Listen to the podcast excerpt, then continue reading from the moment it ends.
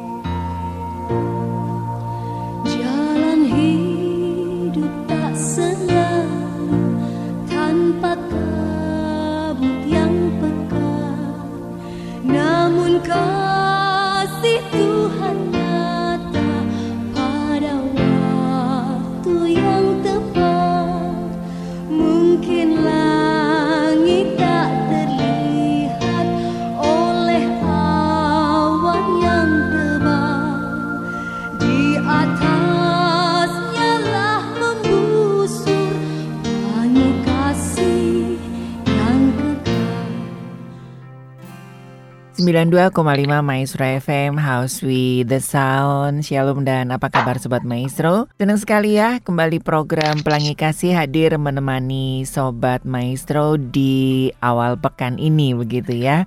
Di hari Senin tanggal 9 Mei 2022 Mudah-mudahan Anda tidak jet lag ataupun mager gitu ya Setelah dimanja dengan liburan yang cukup panjang. Kita akan kembali me masuki dunia kenyataan begitu ya dengan segala pergumulan dalam keluarga begitu. Dan bagi sobat maestro yang mungkin ada pertanyaan ataupun ada topik-topik yang ingin kami bahas, silakan Anda bisa SMS ataupun WhatsApp di 081321000925. Dan kali ini saya tidak sendirian, saya sudah bersama Ibu Sarah, konselor dari Rumah Konseling Parahyangan Bandung.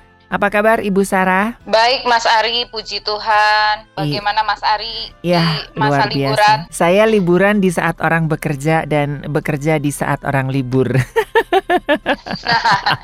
yang penting tetap menikmati. Ya, biasalah Bu, orang hiperaktif kan kalau disuruh libur kan makin stres ya. Oke. Okay. Betul, betul. Oke. Okay. Nah, kira-kira apa yang kita bahas kali ini Ibu Sarah? Uh, hari ini saya ingin kita membahas satu kata yang namanya diam hmm. atau be still ya. Uh, oh. Ini kita baru selesai hiruk pikuk lebaran, hiruk pikuk liburan gitu ya. Dan hari ini saya pengen kita belajar mengenai uh, diam. Hmm. Uh, apakah diam itu sesuatu yang baik ataukah sesuatu yang tidak baik? Apakah diam itu penting atau tidak penting. Nah, ini okay. kita mau bahas nih Mas Ari. Oke, okay, oke. Okay.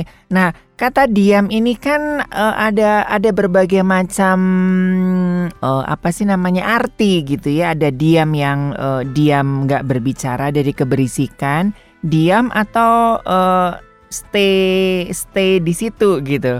Atau seperti apa ini, Bu? Oke. Okay. Ya, jadi yang saya ingin bahas itu diam yang bukan berarti bengong gitu ya. Hmm. Terus diam yang bukan berarti tidur seharian diam kan tidur juga diam Mas Arinya. Oke. Okay. Ya. Nah, uh, tapi ini satu poin nanti kita belajar di dunia konseling. Ternyata ada terapi diam ternyata di dalamnya gitu ya. Okay. Jadi diam yang saya ingin uh, bahas ini adalah satu upaya uh, secara sukarela untuk kita itu puasa atau pantang berbicara hmm. dan mengambil waktu untuk sementara waktu uh, sendirian. Jadi nggak rame-rame gitu loh Mas Ari. Oke. Jadi kalau bahasa rohaninya retreat begitu kah Bu atau seperti apa nih Bu? Beda uh, ya? Mungkin bisa kalau retreat kan biasanya kadang-kadang rame-rame. Rame-rame ya. atau med dalam bahasa, meditasi uh, gitu kali ya. Saat teduh iya. gitu kali ya Bu ya. Yes, betul. Oh, kalau dalam jeda, uh, jeda begitu Bu, biar Alkitab jeda gitu ya. Sela, betul, jeda betul. Itu sela, betul, ya. ya Tapi ya. ada istilahnya juga namanya solitude. Oh. Jadi mengambil waktu diam mm-hmm. dalam kesendirian dan mencari dan mendengar suara Tuhan itu di dalam uh, itu dalam uh, pengertian kekristenan namanya solitude. Oke, okay, oke, okay. iya, iya. Sobat Maestro mungkin untuk memudahkan kita uh, ini saya pengen cerita dulu ya, yeah. membuka uh, hari ini ya. Uh, mungkin beberapa orang kenal dengan yang namanya uh, Henry Weiss ya. Kalau kita Google siapa sih hmm. seorang Henry Weiss? Yeah. Henry Weiss ini adalah seorang yang ahli uh, punya keahlian untuk meloloskan diri dari berbagai perangkap, uh, misalnya ditaliin gitu ya, atau dimasukkan ke dalam pintu sel atau diborgol gitu ya dan pokoknya sesuatu yang mengikat dia, dia punya kemampuan untuk meloloskan diri hmm. dan dia punya track record itu uh, paling lama itu 30 detik dia sudah wow. pasti akan bisa melepaskan diri dan meloloskan diri. Hmm. Nah, apa yang terjadi dengan seorang Henry?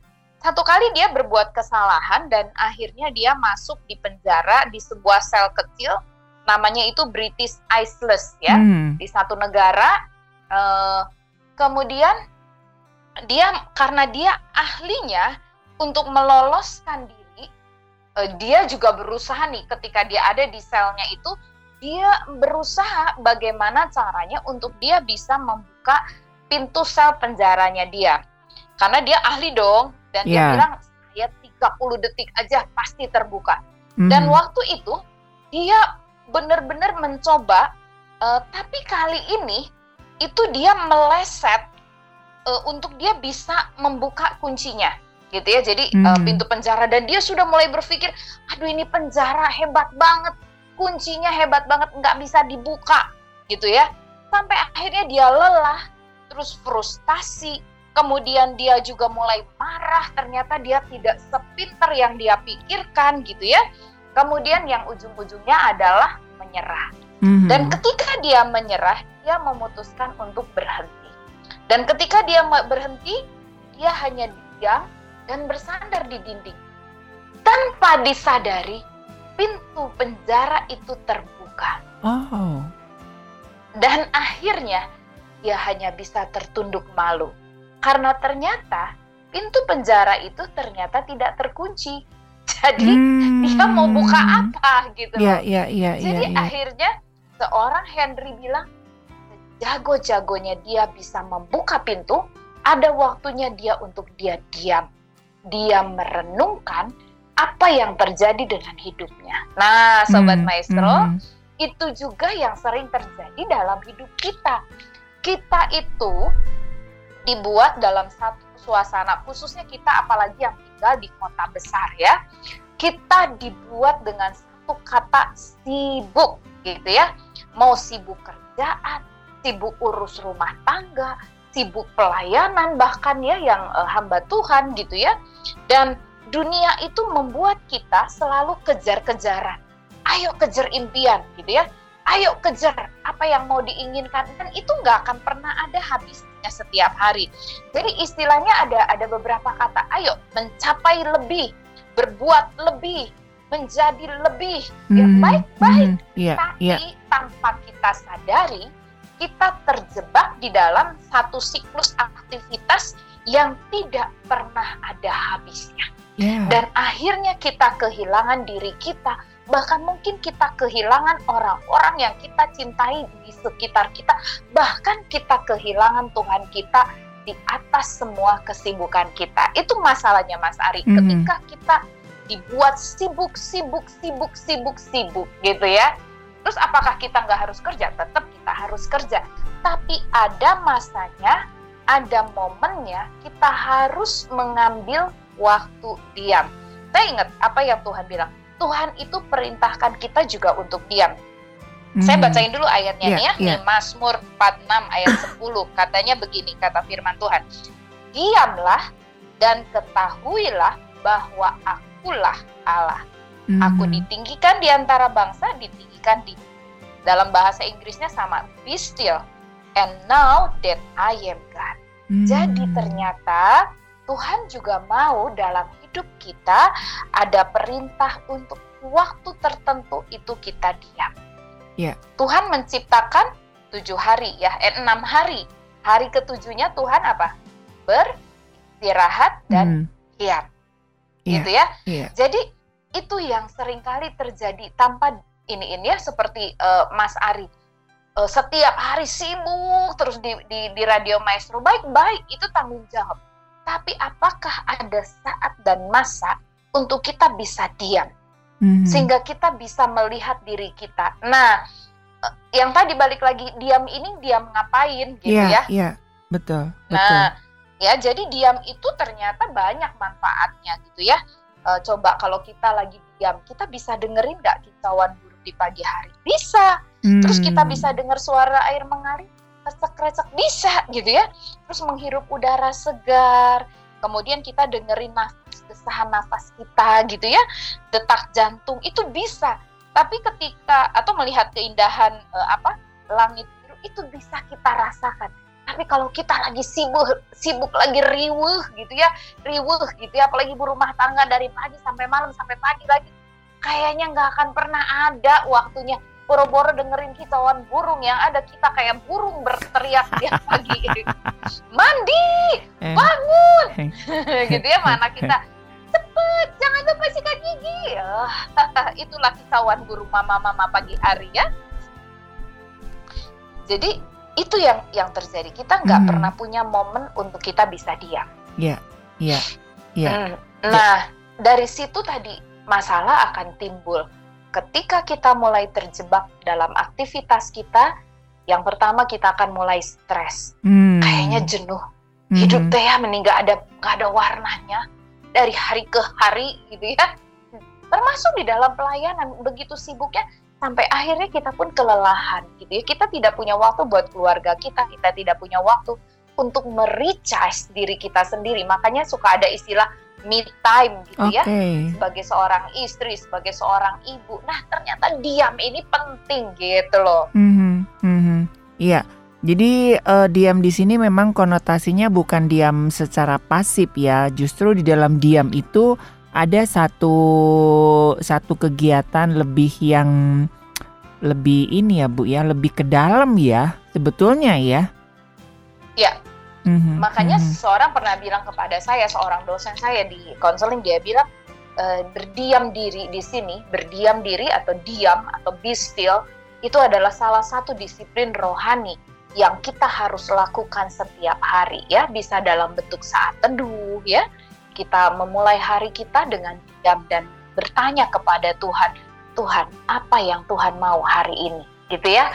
Nah, ada yang nah sekarang uh, kalau dalam versi uh, yang tadi solitude ya mm -hmm. berdiam diri. Nah, seperti apa berdiam diri uh, apa uh, ini ya? Yaitu tadi yeah. mengizinkan kita diam dan mendengar suara Tuhan. Karena ketika dia diam, katanya di situ kita bisa yang pertama kita bisa mengikuti teladan Kristus. Kita bisa tahu sebenarnya apa sih yang Tuhan mau dalam hidup kita. Yesus pun uh, setiap uh, dia bilang ada satu momen Yesus naik ke atas bukit untuk berdoa seorang diri. Dia nggak bersama dengan 12 murid gitu ya. Kemudian yang kedua, kita bisa dengar nih suara Tuhan. Yang ketiga, ini adalah momen ekspresi kita uh, sebuah penyembahan kita kepada Tuhan gitu ya. Itu yang versi uh, rohaninya ya. Mm-hmm. Yang keempat, mengekspresikan iman kita katanya kepada Tuhan ketika kita solid tadi yeah. atau selah Kemudian yang kelima, mencari keselamatan dan pertolongan dari Tuhan. Bagaimana kita belajar untuk mengandalkan Tuhan dalam hidup kita. Kemudian yang keenam, untuk memulihkan kekuatan jasmani dan rohani gitu ya. Dan yang terakhir adalah untuk belajar mengontrol diri. Ketika kita mengizinkan setiap pagi kita saat teduh berdiam diri dan mempersembahkan hidup kita kepada Tuhan dan mengizinkan Tuhan untuk mengisi, mengisi kita di pagi itu. Itu versi secara rohani. Nah, hmm. bagaimana prinsip di dalam konseling? Ini yang mungkin uh, menambahkan yeah. dari prinsip secara rohani. Nah, uh, sering kali uh, sebagai ilustrasi sebelum masuk di dalam konseling ya, Mas Ari pernah lihat orang tenggelam? Ya. Yeah terus udah gitu ada orang mau nolongin iya iya tapi yang orang yang tenggelamnya tuh nggak mau diem gitu iya iya makin iya. berusaha gini apa mm -mm. yang kira-kira dilakukan oleh si penolong Uh, kalau saya dulu kan ikut PKS ya PMR gitu harus hmm. membuat orang ini pingsan bu. Betul. Soalnya Jadi kalau enggak kitanya lihat, yang ikut tenggelam kan. Betul sekali. Jadi uh, ternyata kalau kita mau nolongin orang yang tenggelam dan orang yang mau tenggelam ininya di masih wah meronta-ronta hmm. itu membahayakan. Yeah. Ya saya pernah lihat itu sampai pernah dipung gitu ya kayak di, yeah, di, yeah, betul, ditampar gitu. Betul. Terus saya, saya pikir ih kejem banget tapi ternyata itu cara yang paling efektif ketika dia yeah. dibuat um, pingsan atau dibuat diam itu baru dia bisa ditolong. Hmm. Nah, jadi uh, makanya diperlukan seseorang untuk bisa diam dulu Ya, jadi kadang-kadang kan kalau orang lagi berantem, uh, apa yang perlu dilakuin? Diam, hmm, jangan hmm. ngomong katanya gitu ya, supaya tidak memperparah kondisi gitu kan. Nah sama, jadi uh, sobat maestro yang mungkin hari ini lagi merasakan kelelahan, lagi rasain marah, lagi merasa jenuh, lagi merasa wah pokoknya segala rupa gitu, frustasi gitu ya. Uh, ini adalah salah satu terapi yang kita bisa ambil, yaitu diam. Hmm. Tapi bukan diam-diam cicing ya. Nah, itu Tapi itu yang, yang itu yang mau saya tanyakan. Diamnya ini cuma satu aja ya, jangan diam-diaman ya. Betul. Iya, apalagi kalau iya, jadi jangan diam-diaman cicing beneran gitu ya. Jadi iya, diam, yeah, yeah. tapi ambil pena ya, ambil kertas ya. Kemudian mulai ya tarik nafas dalam-dalam ya, coba mulai berdoa terus dan di situlah kita yang pertama secara konseling apa yang kita bisa lakukan ketika kita diam? Yang pertama adalah melihat diri kita sendiri secara utuh. Hmm. Tidak ada orang yang bisa menolong diri kita selain diri kita dulu sendiri. Yeah. Tidak ada orang yang akan mengenal diri kita secara utuh selain diri kita sendiri. Jadi, ini yang poin pentingnya bagaimana ketika kita diam, kita mengambil sebuah pena, kita mulai bisa melihat diri kita secara utuh. Seperti kita sedang memegang puzzle. Pernah main puzzle ya, hmm, ya yang hmm, berantakan, yeah, yeah, yeah. yang berantakan gitu ya, misalnya gambar gambar bunga terus dibuat berantakan dan tugas kita adalah menyusun puzzle satu-satu puzzle itu menjadi kembali menjadi gambar bunga yang dan di sinilah ketika kita diam, kita lihat puzzle hidup kita di, di hadapan kita, kita mulai melihat puzzle-puzzle perjalanan hidup kita mulai dari lahir sampai hari ini, kita coba rangkai peristiwa-peristiwa dalam hidup kita ini di mana kita bisa lihat dan kita bisa lihat, aduh ternyata puzzle hidup gua waktu gua umur 12 tahun berceceran. Hmm. Karena di situlah saya melihat papa mama saya bercerai. Hmm. Oh, mulai dari situ saya sadar saya jadi orang yang tertutup. Saya jadi orang yang enggak mau uh, uh, apa enggak mau uh, maksudnya enggak mau lagi uh, bergaul. Oh, sadar saya ternyata pasal itu hilang di umur 12 tahun gitu ya. Mm. Atau kita lihat pasal aduh pasal gua bagus banget nih dari lahir, punya mami papi perhatian, tapi ternyata pasal gua hilang pas gua menikah, dapat suami, salah pilih pasangan, hancur hidup gua. Terus udah gitu eh, akhirnya saya masuk di dalam perceraian aku tidak lagi bisa lihat indahnya pernikahan, aku nggak bisa lagi indahnya hidup. Nah, jadi dari situ kita mulai mengerti, oh ini ya pasal saya yang hilang. Di bagian ini hilang, di bagian ini hilang, di bagian ini hilang. Sehingga kita bisa melihat, oh saya harus bisa bagaimana saya bisa memulihkan, saya bisa mengambil pasal saya yang hilang dan mencoba merangkai kembali menjadi Hmm. Itu yang pertama Mas hmm. Ari. Jadi hmm. kita bisa lihat pasal-pasal itu. Karena kalau tidak begitu, kita akan selalu menyalahkan orang iya, lain. Ya, betul. Kita selalu akan menyalahkan keadaan. Kita akan selalu ngelihat orang lain yang bermasalah. Padahal hmm. sebenarnya kalau kita lihat pasal kita, kita akan mulai menyadari, oh sebenarnya anak gua nggak bermasalah. Yang bermasalah ternyata gue nih, mami yang bermasalah hmm Mami yang selalu menuntut, mami yang selalu nggak pernah puas lihat anaknya ngerjain apa pun. Oh ternyata aku kayak gini nih karena paselku hilang waktu aku kecil. Papiku selalu menuntut dan tanpa aku sadarin aku pun menjadi ibu yang selalu menuntut. Itu seperti yang uh, itu kira-kira gambarannya yeah, Mas Ari yeah, yang poin yeah, pertama. Betul, betul. Jadi uh, seperti Ibu Sarah tadi bilang ya bahwa memang ini adalah disiplin rohani yang sangat berat untuk dilakukan ya Bu ya. Betul. Ya, ya. Uh, dan nggak semua orang siap. Betul, Tapi ini betul. harus gitu karena balik lagi sering kali uh, kita bisa lihat selumbar di mata hmm. orang. Betul, eh balok di mata iya, orang. Yeah, yeah. Tapi selum eh terbalik ya saya. Iya, iya. Kita lihat uh, selumbar di mata orang, pada ada balok di mata kita yeah. yang lebih gede, gitu ya. Mm -hmm, kita gampang banget ya. Kita tuh gampang banget ngelihat kekurangan orang, kesalahan orang, gampang banget. Tanpa kita sadari, kita nggak pernah bisa melihat diri kita. Yang ternyata kita lebih punya banyak lagi kekurangan, lebih punya banyak lagi masalah, lebih punya banyak lagi uh, apa uh, problem sebenarnya dibanding yeah, orang yeah. lain, gitu loh. Mm -hmm, mm -hmm.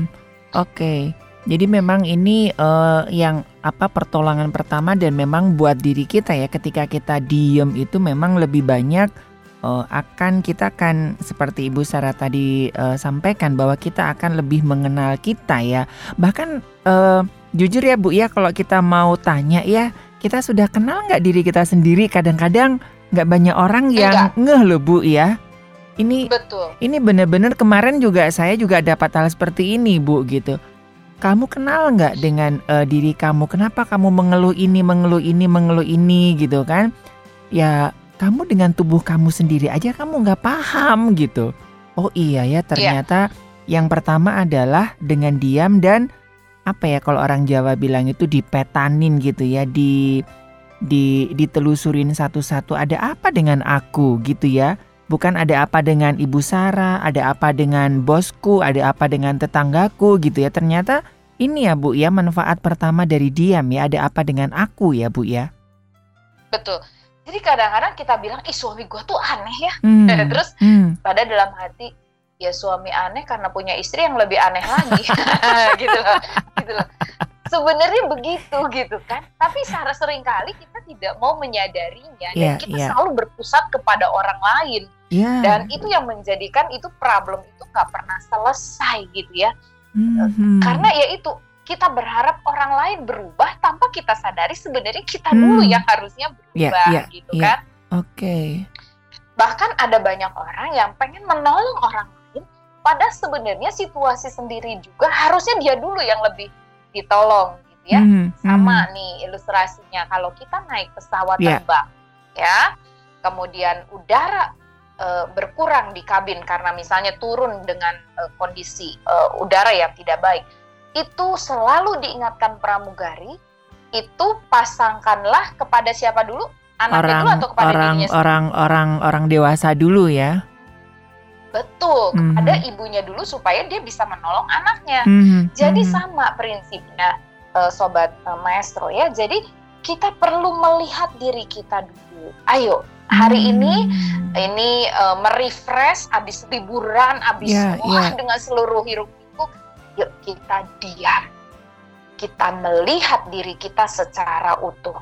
Apa yang masih bisa kita perbaiki dari hidup kita? supaya kita menjadi sebuah gambar yang cantik. Kalau maaf ya Mas Ari, kalau lihat puzzle yang utuh gitu yang cantik, enak dilihat atau enggak? Mm-hmm. Ya. Yeah. Enak kan? Yeah. Kita yang lihat, orang lain yang lihat pun senang. Tapi kalau kita lihat puzzle yang berantakan, yang bentuknya nggak jelas, bahkan yang bentuknya jelas tapi ada misalnya nih gambar Mona Lisa ya, tapi bagian puzzle hidungnya hilang. Hmm. Kira-kira bagus apa enggak? Ya. Yeah. Tidak menarik. Betul, Apalagi betul. pasti bagian hidup Mona Lisa yang mancung gitu ya. Hmm. ya jadinya jelek, enggak lagi Mona Lisa itu mana Mona yang lain. iya kan? Walaupun hanya hilang satu puzzle gitu loh. Nah, itulah pentingnya ketika kita bisa melihat diri kita secara utuh. Nah, memang mencatat itu menulis itu adalah sesuatu yang tidak menyenangkan buat kita. Hmm, Kadang-kadang hmm. kita itu lebih suka instantly ya. Yeah. Nah, bahkan saya ingat saya pernah di terapi ya pada waktu itu di awal-awal sebelum menjadi konselor eh, bagaimana ketika melihat perjalanan hidup kita belajar katanya ya menuliskan hal-hal yang paling indah dalam hidup kita. Mm. Jadi ayo tuliskan katanya belajar menuliskan hal-hal yang paling menyenangkan dalam hidup kita, yang paling loh Mas Ari, mm-hmm. ya. Mm-hmm.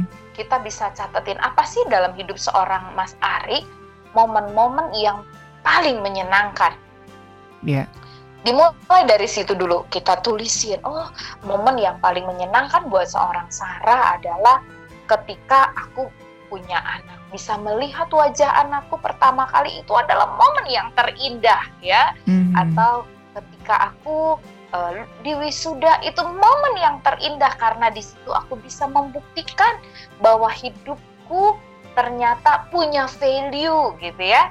Atau banyak kita bisa cerita hal-hal yang paling indah atau ketika menikah atau apa itu tuliskan untuk diri kita sendiri. Sehingga itu membuat kita menjadi uh, ada rasa uh, nyaman, rasa senang gitu ya, menimbulkan hormon endorfin kita mm. timbul, stres kita hilang gitu ya, uh, paniknya kita hilang ketika kita menuliskan hal-hal yang paling menyenangkan dalam hidup kita. Oke. Okay. Nah, setelah itu selesai, kita beralih belajar menuliskan hal-hal yang paling menyakitkan, paling menyedihkan dalam hidup kita. Kalau kita menuliskan pertama kali dan kita gagal, nggak usah dipaksain. Hmm. Coba lagi, coba lagi, coba lagi. Karena ketika kita bisa menuliskan itu, itu setengahnya 50% itu memulihkan hati kita.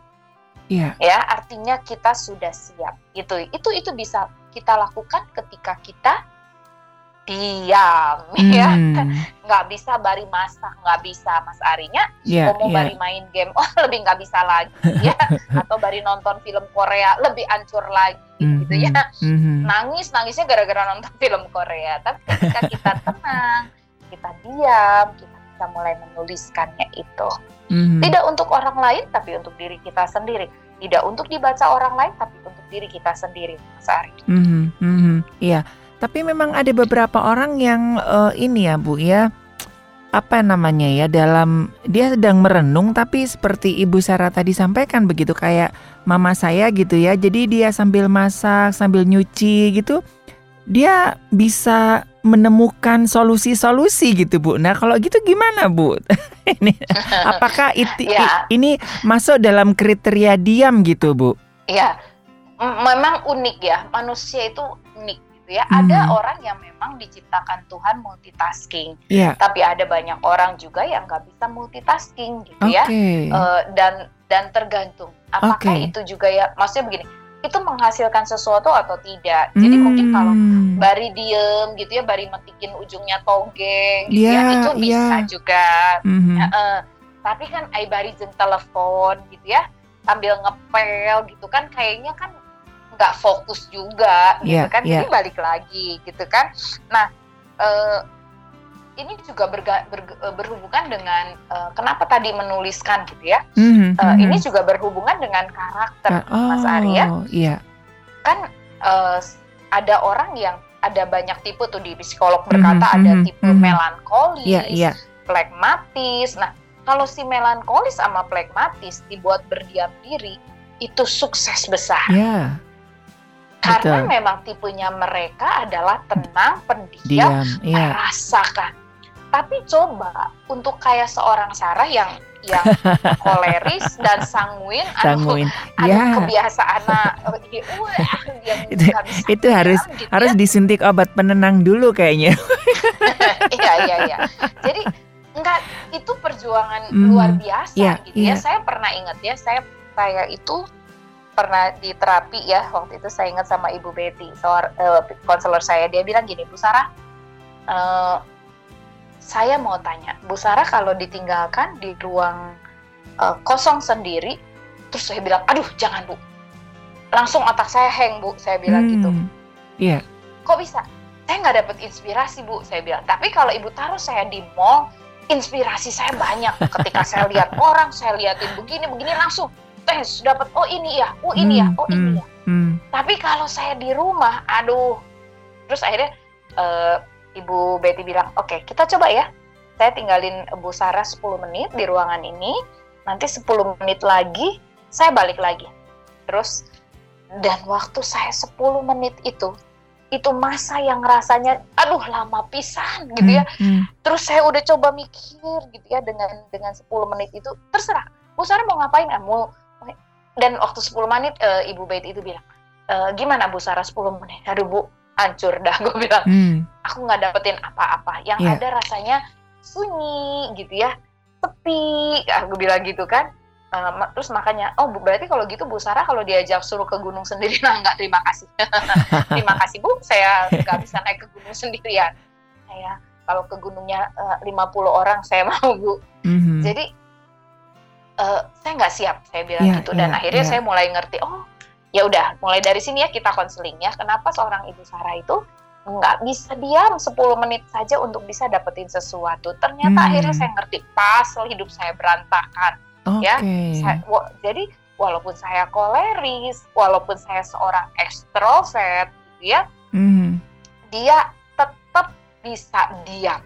Cuman okay. saya akhirnya belajar melatih kemampuan itu perlu dilatih dan akhirnya saya berusaha dan berusaha berusaha. Uh, satu kali saya masuk rumah sakit ya yang saya pernah masuk mm -hmm, di ruang ICU. Mm -hmm. Yang paling menderita memang badan sakit ya karena infusan di mana-mana. Yeah, yeah. Tapi yang membuat saya paling menderita adalah selama tiga minggu saya nggak boleh ngomong. Iya, sepi. Itu penderitaan saya yang hmm. paling paling paling menyakitkan. Mm -hmm. Dua hari pertama saya masih berusaha ngomong dan dokter langsung bilang begini, mulai besok ini di pintu kamar rumah sakit saya langsung pasang pasien dilarang diajak berbicara. Hmm, yeah. Kenapa? Karena paru-paru saya nggak hmm, berfungsi hmm. dan saya kalau ngomong saya capek, jantung saya berat. Jadi yeah. akhirnya saya suruh diam. Itu adalah latihan Tuhan buat saya supaya saya belajar untuk diam. Saya hmm. di situ nggak gampang, tapi akhirnya udah tiga minggu akhirnya diam juga gitu ya karena nggak bisa ngomong mm-hmm. dan di situlah momen-momen di mana saya paling banyak bisa dengar apa yang Tuhan mau gitu yeah, ya yeah. saya bisa melihat hidup saya secara utuh gitu kan ketika saya diam ketika Tuhan izinkan mulut saya nggak bisa ngomong nah itulah perjuangan seorang ekstrovert seorang hmm. koleris yang kebiasaannya ngomong ya saya digaji perusahaan karena saya harus ngomong dari pagi yeah. sampai sore yeah. ya kan uh, kebiasaan itu yeah. menjadi karakter ya kan hmm. habit itu menjadi karakter betul Tapi betul Tuhan bilang enggak bisa Sarah ada waktunya kamu harus diam yeah, dan yeah. Ketika kamu diam itulah waktu yang terbaik di mana aku bisa berbicara aku bisa ini coba mm -hmm. kalau mm -hmm Sarah ngomong Tuhan ngomong sahan orang ngadengekeun Iya.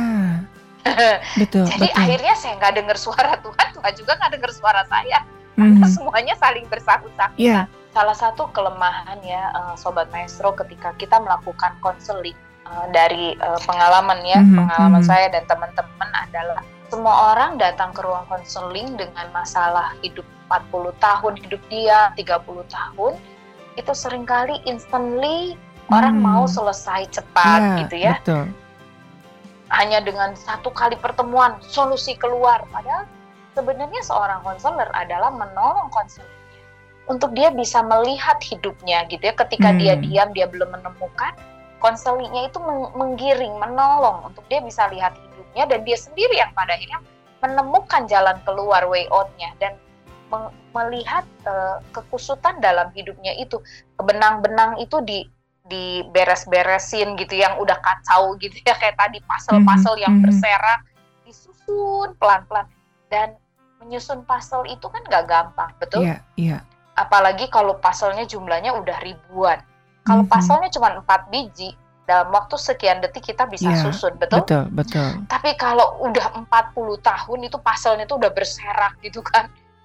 Yang mana ujungnya, yang mana tengahnya, yang mana ini. Mm -hmm. Kan itu mhm. butuh waktu gitu kan Makanya kita butuh waktu diam yang lebih lama pada akhirnya untuk mulai menyusun, oh aku baru bisa rapihin ini bagiannya waktu aku kecil. Ternyata di bagian kecil ini nggak puji Tuhan nggak ada pasal yang hilang.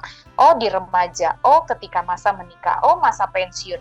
Jadi semua itu butuh proses. Jadi uh, balik lagi sobat maestro, selalu ada cinta, selalu ada harapan bersama dengan Tuhan jadi selalu izinkan Tuhan untuk merestorasi hidup kita, tapi bagian kita adalah yuk lakukan sesuatu dan izinkan Tuhan yang memperbaikinya pada akhirnya gitu loh. Hmm. Mengembalikan pasal-pasal kita. Betul, betul, betul. Oke. Okay. Dan uh, gimana Bu caranya untuk kita bisa mendisiplin diam ini, Bu?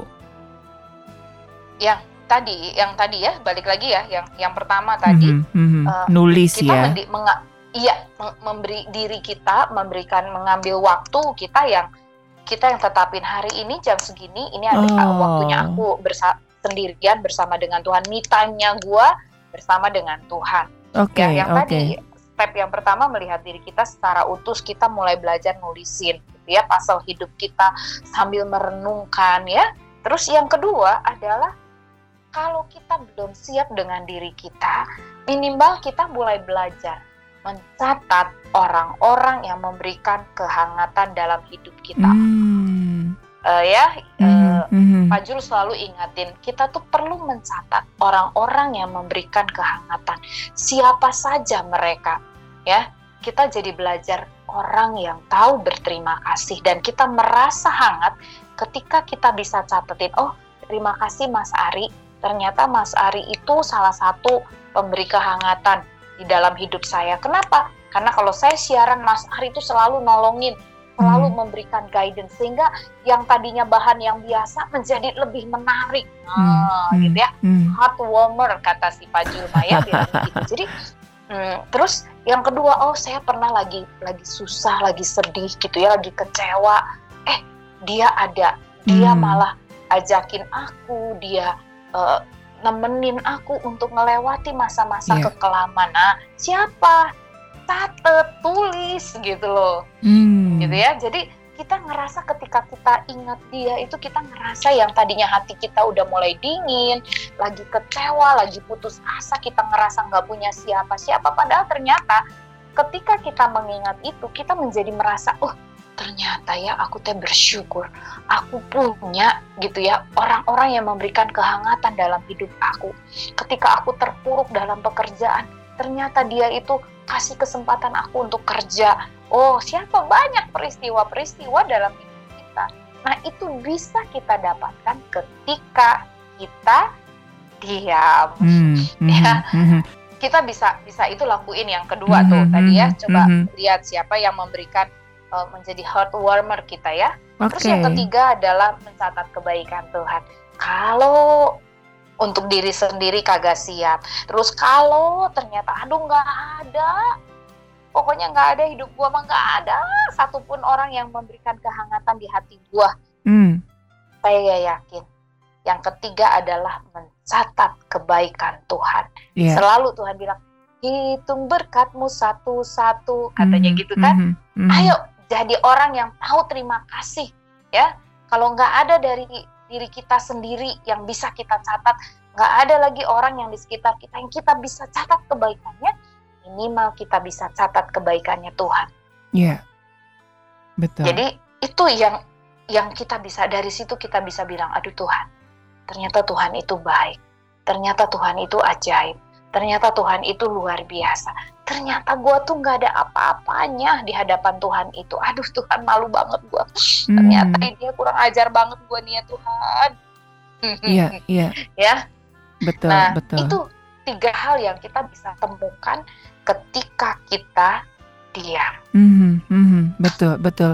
Dan dan Amsal pun mengatakan bahwa uh, ketika diam, uh, apa namanya ya? uh, ya ada yang mengatakan diam itu emas begitu ya dan seorang seorang bijak mengatakan silent is gold ya. Iya, iya dan seorang bijak mengatakan orang bodoh pun ketika dia diam dia kelihatan lebih bijak. katanya. Ya, betul betul betul betul betul. Saya uh, mencatat itu uh, ayatnya ya, dia bilang uh, sebentar ya di Amsal 17 ayat 28 mm -hmm. ya juga mm -hmm. orang bodoh akan disangka bijak yeah. kalau ia berdiam diri dan disangka berpengertian kalau ia mengatupkan bibirnya mm. tuh ya kalau kita yang masih mas aduh gue teh bodoh ya gue teh ya nggak bisa apa-apa gitu ya diam. Hmm, hmm. Dan ketika kita diam, kita bisa lihat diri kita dan ternyata kita bisa, aduh ternyata ya, aku tuh punya potensi. Yeah. Ternyata aku tuh punya kelebihan ini, ini, ini, ini, ini, gitu kan? Hmm. Termasuk ya Mas Ari, mungkin uh, sobat maestro yang sedang konflik dengan uh, istrinya atau konflik dengan suami atau konflik dengan anaknya, ayo diam diri aja, yeah. catat kebaikan apa yang sudah dilakukan pasangan kita. Catat kelebihan-kelebihan pasangan kita. Catat kelebihan-kelebihan anak-anak kita. Mm-hmm. Sehingga dari mm-hmm. situ kita tahu, oh ternyata bersyukur punya suami ini. Bersyukur punya anak ini, gitu loh. Mm-hmm, mm-hmm. Oke, okay, iya. Ini makanya kalau dalam uh, keluarga ataupun dalam yang sobat maestro yang mungkin pacaran itu kan ada suka ada istilah cooling down ya jadi cooling down iya. ini justru seperti yang Ibu Sarah sampaikan ini ya sobat maestro ya. Jadi uh, cooling down itu bukan berarti ya udah jadi stuck blank spot gitu. Bukan seperti itu ya sobat maestro. Justru dalam cooling down ini kita me apa namanya? meintrospeksi masing-masing diri kita ya, menyusun kembali pasal-pasal kita ya ada apa dengan pacaran saya, ada apa dengan keluarga saya, ada apa dengan uh, anak saya begitu ya, ada apa dengan diri saya begitu ya. Jadi cooling down ini ataupun diam ini bukan berarti ya udah diantepin aja sebodoh teing gitu ya Bu ya. Betul. Hmm. Karena salah satunya lagi apa sih hasil dari diam, diam tadi ya? Iya, iya. Diam itu menghasilkan ketenangan. Yes. Ya, jadi tenang itu mencerminkan satu uh, kemantapan hati dan keyakinan bahwa Tuhan itu pasti sanggup melakukan segala perkara dalam mm -hmm. hidup kita. Jadi semua orang itu uh, cari ketenangan kan dalam hidup kita, peace katanya, peace of mind katanya, mm -hmm. peace of heart gitu kan. Yeah, yeah. Jadi ketika kita diam, kita mendapatkan ketenangan di situ gitu kan. Uh, ini saya sekalian saya lagi bagi saya, saya mau belajar bagi berkat nih ya kemarin saya bersyukur Tuhan izinkan saya untuk berangkat ke Israel. Mm-hmm. Uh, tapi ada tapinya. Pada waktu itu saya sempat mau memperpanjang paspor, paspor saya ditolak. Okay. Karena nama saya salah. Oke, okay, mm-hmm. tapi akhirnya saya berdoa Tuhan kalau Tuhan izinin saya uh, berangkat saya mau coba sekali lagi. Jadi yang pertama saya datang ke kantor imigrasi terus ditolak tuh mm-hmm. e, karena mereka minta ijazah SD, SMP, SMA. Lah mm-hmm. sementara saya bawa S, ijazah S1, S2 saya ditolak katanya iya. nggak yeah. bisa gitu kan. E, saya coba cari karena e, saya pindahan dari Pekanbaru, jadi saya udah nggak tahu sertifikat itu di mana ya, ijazah saya di mana. Akhirnya mm-hmm. saya bilang saya nggak punya dan nggak bisa. Tapi ketika saya punya keyakinan Tuhan teguhin Tuhan kalau mau saya coba sekali lagi uh, ke kantor imigrasi dan saya coba. Nah, yang kedua itu ditolong Tuhan, nggak diminta sertifikat malah akhirnya jadi. Nah, hmm. tapi pada waktu itu prosesnya harus minta approval sampai ke Jakarta dan prosesnya itu 14 hari. Okay. Sementara uh, paspor untuk pembuatan visa itu harus sudah diminta dan nggak bisa hmm, lagi hmm. karena butuh satu bulan untuk uh, proses visa Israel nih yeah, Mas Ari. Betul, betul. Jadi akhirnya pakai paspor yang lama. Hmm. Saya sudah meyakinkan kepada pihak uh, travelnya, okay. bisa ya, bisa, bisa, pasti ya, pasti. Oke, okay. saya tenang tapi di hati masih sedikit was-was. Hmm. Apa yang terjadi ketika uh, penerbangan kami dari uh, Jakarta ke Israel itu transit di Istanbul? Istanbul, iya.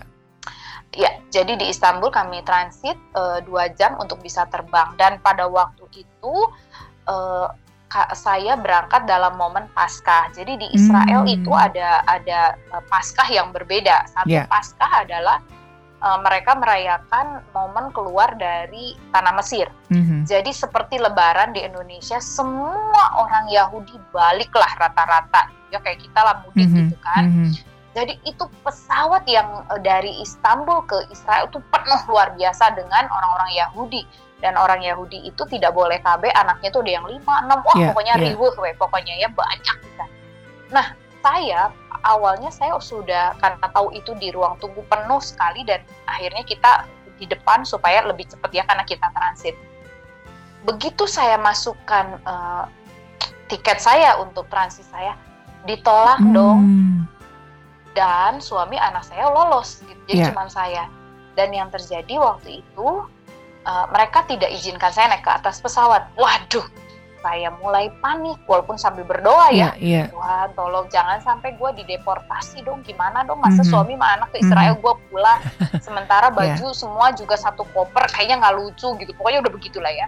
Dan uh, mereka itu tipe-tipe yang Mm-hmm. Maksudnya itu tidak kompromi kayak saklek, Indonesia gitu ya yang bisa gitu lah ya orangnya uh, uh, ya. di ya di di toel-toel dikit lah mm-hmm. gitu ya. Mm-hmm. Tolong dong apa ini enggak.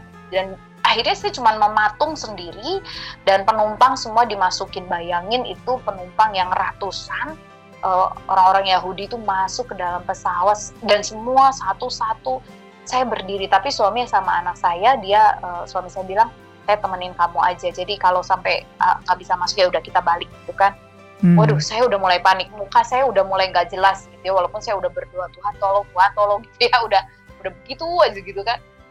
Nah, saya bersyukur suami saya itu orang yang tenang dan dia yeah, bilang begini yeah. sama saya, Mam, kamu harus tenang. Terus aku bilang tenang kok, apaan tenang muka kamu aja nggak jelas begitu dia bilang. ya, nah, oh, oh, oh gitu ya Pap, iya, kamu tenang.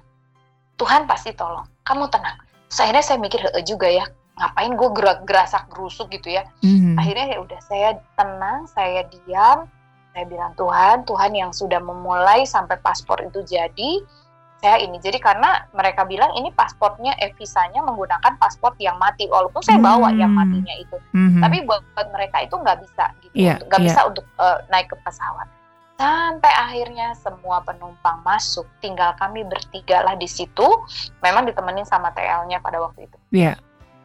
akhirnya setelah itu dan saya udah berpikir Tuhan aduh cuman tinggal kami gitu ya dan uh, itu sudah ditutup pintu pesawat sih belum mm -hmm. jadi akhirnya mm -hmm. datang satu orang dan dia bilang ini kenapa kalian tahan ini kan hanya transit saja akhirnya dia bilang oh gitu go ahead masuk Oh. Jadi saya orang terakhir lah yang masuk di dalam mhm, pesawat. Mm -hmm. Dan begitu kami masuk pintu pesawat itu. Jadi betul kadang-kadang kalau kita makin gerasak gerusuk, makin mikir, mm -hmm. makin stres, makin takut, tapi ketika kita diam, ketenangan itu mengalir, gitu yeah, loh Mas Adi. Yeah, Dari situ yeah. saya belajar, ternyata betul diam itu penting. Ya, yeah. mm -hmm, mm -hmm. ya, yeah, betul betul, iya. Yeah. Iya, ini uh, hari ini Ibu Sarah menyampaikan hal ini uh, bukan satu kebetulan ya Bu ya. Pasti ada satu pesan Tuhan yang ingin disampaikan kepada sobat-sobat maestro karena memang hari-hari ini dunia sangat sibuk ya.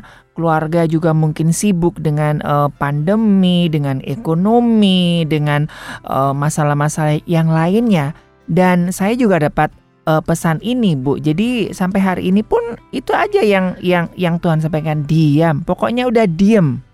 Diem, jangan banyak tanya, jangan banyak uh, gerusa-gerusu udah diem. Sepertinya nah, aduh kok kayaknya lama pisan, tapi ya ya Tuhan suruh diem.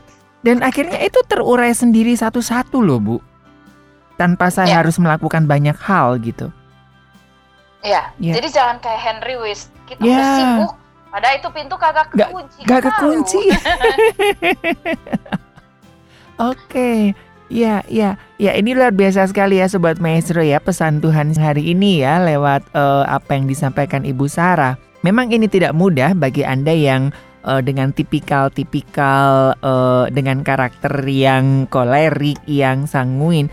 Tetapi ya tidak berarti yang orang plekmatis dan uh, melankolis itu juga lebih bagus diamnya ya biasanya pikirannya yang jauh rudet begitu ya jadi ini uh, mungkin jadi satu jawaban bagi anda ya untuk kita jeda untuk kita sela untuk kita diam dan biarkan Tuhan yang waktunya Tuhan untuk bekerja begitu ya Bu ya. Betul. Oke oke. Nah kira-kira apa Bu yang ingin uh, yang bisa kita simpulkan dari perbincangan kita uh, tentang diam ini Bu? Uh, sebagai penutup saya kasih satu ayat yang terakhir ya Amsal 11 ayat 12. Siapa menghina sesamanya tidak berakal budi, tetapi orang yang pandai berdiam diri. Jadi, hmm. sobat maestro, uh, jadilah orang yang pandai dengan cara berdiam diri. Yeah. Karena ketika kita berdiam diri, ketika kita diam, kita izinkan Tuhan bekerja dalam hidup kita, kita akan menemukan banyak permata-permata yang indah yang Tuhan berikan dalam hidup kita. Kita bisa melihat diri kita seperti Tuhan melihat hidup kita. Jadi jangan pernah menyerah, jangan pernah marah, jangan pernah frustasi, jangan pernah izinkan uh, kita kehilangan momen-momen yang berharga dalam hidup kita, tapi mari kita diam dan kita lihat banyak hal yang indah yang sudah Tuhan kerjakan dalam hidup kita. Itu Mas Ari. Iya, iya. Untuk pesannya hari ya, ini. Iya, oke, okay, iya. Iya, dengan tinggal uh, tenang di situlah letak kekuatan kita dan dengan uh, tinggal diam ya kita bisa melihat Tuhan bekerja begitu ya. Sekali lagi terima kasih buat Ibu Sarah buat uh, pesannya hari ini tuh sangat indah sekali begitu ya. Simple empat huruf tetapi dahsyat banget. Terima kasih Ibu Sarah. Sama-sama Mas Ari, Tuhan memberkati. Baik Sobat Maestro, dari Gerah Maestro Jalan Kaca Piring 12 Bandung, saya Ari dan juga Ibu Sarah, konselor Rumah Konseling Parahyangan Bandung, mengundurkan diri dari program Pelangi Kasih. Selamat melanjutkan aktivitas Anda dan Tuhan memberkati.